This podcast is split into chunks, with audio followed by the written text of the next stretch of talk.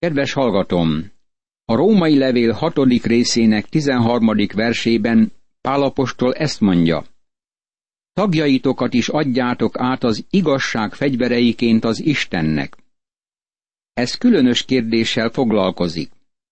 Mi a mi valódi problémánk? Én ismerem a magamét. Mit tudsz a sajátodról? Akármi legyen az a sajátos problémád, add át Istennek. A rossz természet? Vidd oda hozzá és beszélj vele róla. Mi van a rágalmazó nyelvvel? Egy drága asszonyt, aki részt vett nyelveken szóló összejövetelen, megkérdeztek, hogy akar-e nyelveken beszélni. Felkiáltott, ó nem, szeretnék fél métert elveszíteni abból, ami most van. Ha a nyelved a probléma, add át Istennek. Ebben a korban, amiben élünk, mi van az erkölcstelenséggel? A szex korunk nagy témája. Vajon nem probléma neked is? Mondd el Istennek, és add át magad az igazság eszközéül Istennek. Ne mondd, hogy nem teheted. Megteheted a Szentlélek hatalma által. Hiszen a bűn nem fog uralkodni rajtatok, mert nem a törvény, hanem a kegyelem uralma alatt éltek. Római levél, hatodik rész, tizennegyedik vers. A törvényt azért kapta az ember, hogy az ótermészetet igába fogja. Mint hívők nem élhetünk az óember szerint. Új természetünk van, és át kell adnunk magunkat Istennek. Milyen dicsőséges, csodálatos kiváltság az, hogy odaadhatjuk magunkat neki. Mit tegyünk tehát? Védkezzünk, mert nem a törvény, hanem a kegyelem uralma alatt élünk. Szó sincs róla. Római levél, hatodik rész, tizenötödik vers. Hadd mondjak egy illusztrációt erről a versről, ami hasznos lehet. Vajon védkezzünk azért, mert nem vagyunk a törvény, hanem a kegyelem alatt? Elkövessük a bűnt? Többé nem vagyunk a törvény alatt, hanem a kegyelem alatt élünk. A kérdés itt másként hangzik, mint az első versben. Pál bemutatta az előző tizennégy versben, hogy Isten megszentelési módszere ugyanazon az alapon áll, mint a megigazítás. A hit alapján. Elhisszük, hogy Isten megcselekedheti. Mi nem végezhetjük el.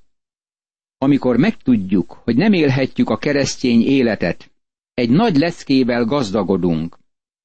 Azután felkészülünk rá, hogy engedjük, hadd éljen ő bennünk.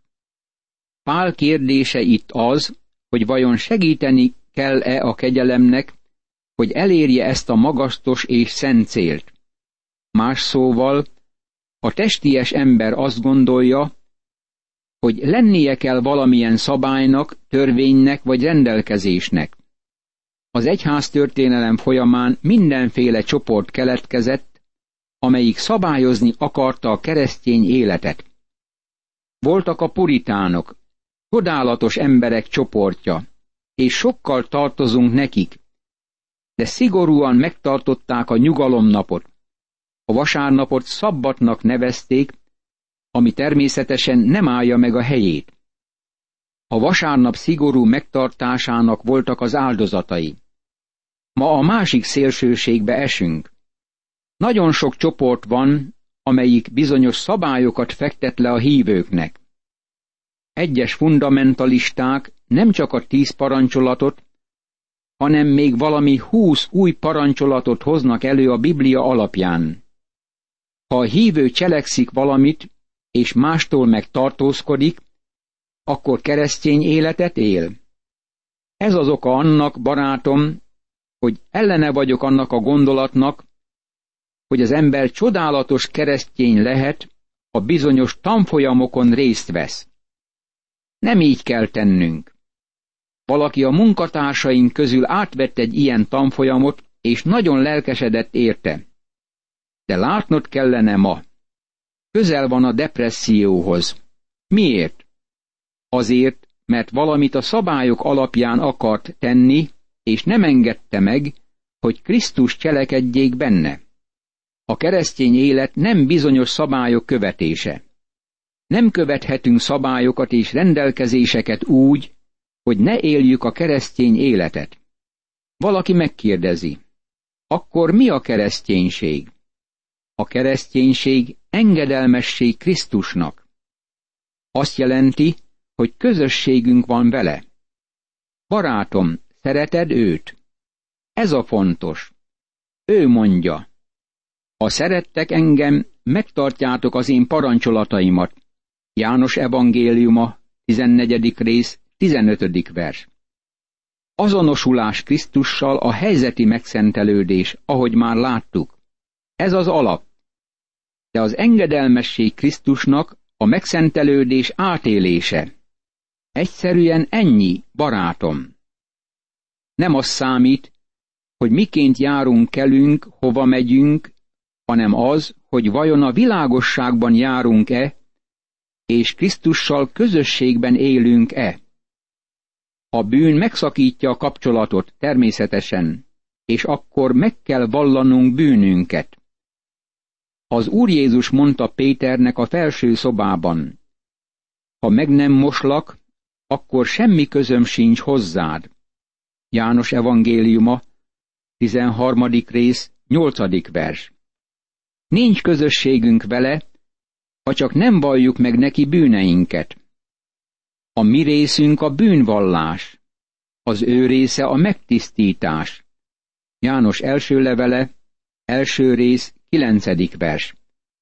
Fontos neked és nekem, hogy közösségünk legyen az Úr Jézus Krisztussal, és engedelmeskedjünk neki. Aztán keresztény életet élünk. Vincent egyszer ezt mondta Godének. Van olyan finom méreg, ami becsempészi magát még a legjobb keresztény szívébe is. Ez az a kísértés, hogy így szóljunk, védkezzünk, ne azért, hogy a kegyelem megnövekedjék, hanem mert az megnövekszik. Láthatod, sok keresztény mondja manapság, megváltást nyertem, és azt tehetem, ami nekem tetszik. Barátom, ha kegyelem alapján megváltást nyertél, akkor nem teheted azt, ami neked tetszik, ahogy majd látjuk a római levél nyolcadik fejezetében. A Galáciában élő hívőkhöz írt levelében Pál világossá teszi, hogy háromféle módon élhet az ember. Élhet a törvény által, élhet szabados életet, és élhet szabadságban. A törvény szerinti élet bizonyos alapelveket fektet le. Olvastam egy filmszínészről, aki azt mondta, hogy egész életét a szexnek szentelte, ez volt a törvénye, e szerint élt. Tekintet nélkül arra, hogy ki vagy, ha törvény szerint élsz, akkor a régi természet szerint élsz. Aztán egy másik szélsőség, ami ellen óv pálapostól a szabados élet. Ha Isten gyermekei vagyunk, akkor nem tehetjük azt, ami nekünk tetszik. Úgy élünk, ahogy az Krisztusnak tetszik. Engedelmeskednünk kell az Úr Jézus Krisztusnak, oda kell magunkat szentelnünk szolgálatára. Ez gyakorlati, sőt sokkal inkább gyakorlati, mint ahogy gondolnánk. Nem tudjátok, hogy ha valakinek átadjátok magatokat szolgai engedelmességre, akkor engedelmességre kötelezett szolgái vagytok annak, mégpedig vagy a bűn szolgái a halálra, vagy az engedelmesség szolgái az igazságra. Nem tudjátok? Amikor Pál ezt kérdezi, akkor bizonyos lehetsz benne, hogy a hívőkhöz szól, és ezt nekünk is meg kell tudnunk. Ha valakinek átadjátok magatokat szolgai engedelmességre, akkor engedelmességre kötelezett szolgái vagytok annak. Aki valaminek vagy valakinek a rabszolgája, az annak val alávetve. Hallottam egy mostani kommentátort, aki szerint mindenki engedelmeskedik valakinek vagy valaminek. Ez így van. Még magának a sátánnak is engedelmeskedhet az ember. Mivel megvan a régi természetünk, szolgái vagy rabszolgái lehetünk valaminek vagy valakinek. Pál itt azt mondja, hogy az a mi urunk, akinek engedelmeskedünk. Ha bűnnek engedünk, akkor az a gazdánk. Ne mondjuk azt, hogy Krisztus a mi urunk, ha bűnben élünk. Ő nem lehet a mi urunk. Ő a szabadság állapotába helyez minket. Ha a fiú megszabadít titeket, valóban szabadok lesztek. János evangéliuma, 8. rész, 36. vers. Mitől szabadok? Szabadon élhetünk az Úrnak, szabadon engedelmeskedünk neki. Az Úr Jézus ezt is mondta. Bizony, bizony, mondom néktek. Aki bűnt követ el, az szolgálja a bűnnek.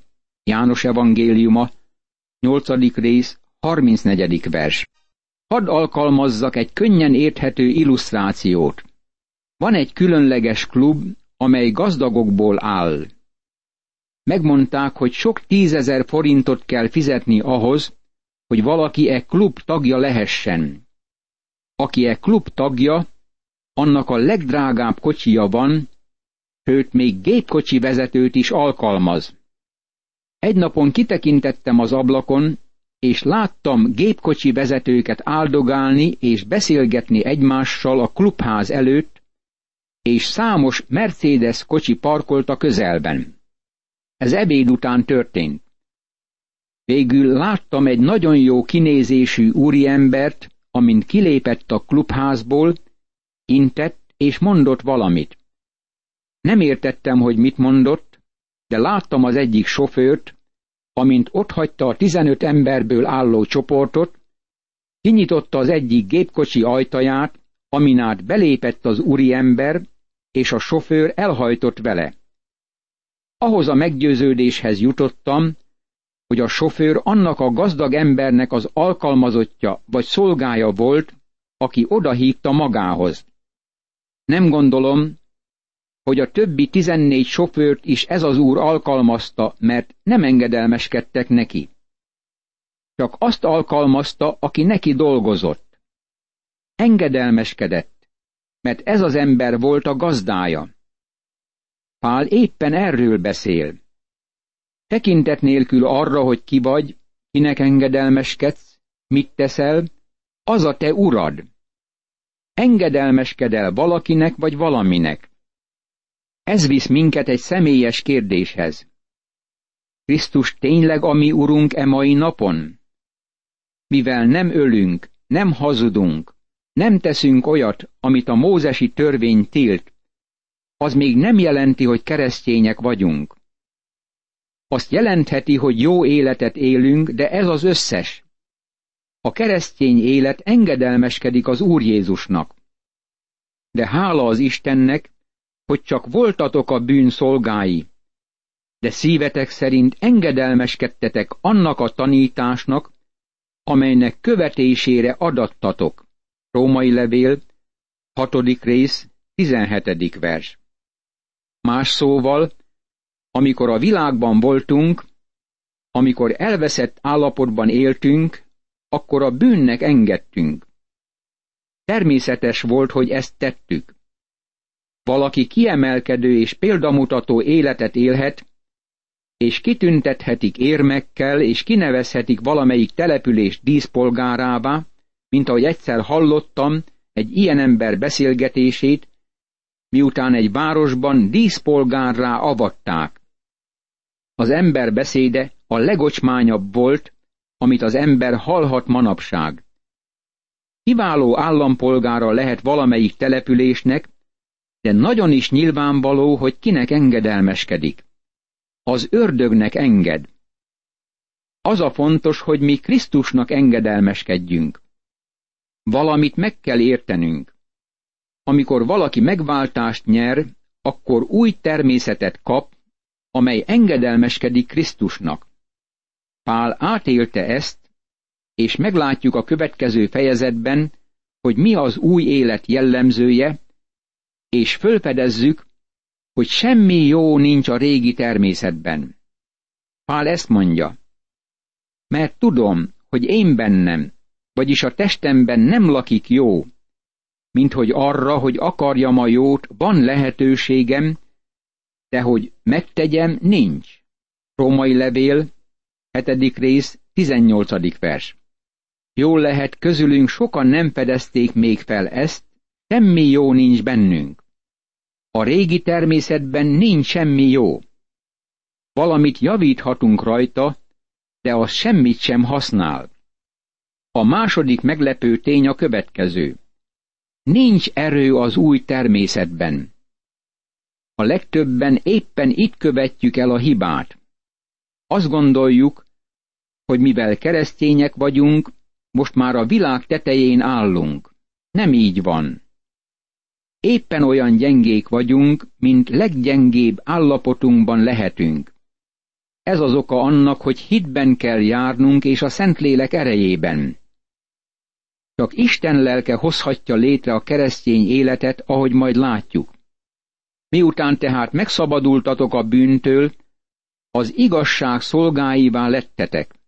Római levél, 6. rész, 18. vers. Megszabadultunk a bűntől. Más szóval lehetővé vált nekünk, hogy keresztény életet éljünk. Ez nem azt jelenti, hogy a bűn teljesen eltávozott. Ez azt jelenti, hogy most már élhetünk Istennek. Emberi módon beszélek, mivel erőtlenek vagytok. Ahogyan tehát átadtátok tagjaitokat a tisztátalanságnak és a törvénytelenségnek a törvénytelenség szolgálatára, úgy most adjátok át tagjaitokat az igazság szolgálatára, hogy szentek legyetek. Római levél, hatodik rész, tizenkilencedik vers. Hadd adjam át ezt a verset egy másik fordításban is. Emberi kifejezésekkel szólok. A nehézségek miatt és az emberi természet gyengesége miatt, mert ahogy átadtátok tagjaitokat szolgáiul a tisztátalanság és törvénytelenség gyakorlására, éppen úgy most adjátok át tagjaitokat az igazságosságnak. Pál itt megmagyarázza, miért használja a szolga kifejezést. Félig meddig érvel az utolsó versben ennek használata mellett. A rabszolgaság általános volt a római birodalomban. A római birodalom 120 millió lakossának a fele rabszolga volt. Sok keresztény is a rabszolgák közül került ki. A Filemonhoz írt kis levél bemutatja, hogy a szabadságot nagyon értékelték, és nehéz volt megszerezni. Pál használja ezt az ismert hasonlatot, amit emberi fogalmakkal ír le. Nem azt érti ezen, hogy nem ihletettség alapján beszél, de olyan nyelvet használ, amit megérthetünk. Megtudjuk ez emberi kifejezésekkel, hogy valójában rabszolgák vagyunk. A vallás vezetőit támadta az, amikor az úr azt mondta nekik, hogy a bűn rabszolgái. Emlékezzünk arra, hogy az Úr Jézus így szólt azoknak a zsidóknak, akik hittek benne. Ha ti megtartjátok az én igémet, valóban tanítványaim vagytok. Megismeritek az igazságot, és az igazság megszabadít titeket. Ők ezt kérdezték tőle. Ábrahám utódai vagyunk, és soha nem voltunk szolgái senkinek. Hogyan mondhatott hát, hogy szabadokká lesztek?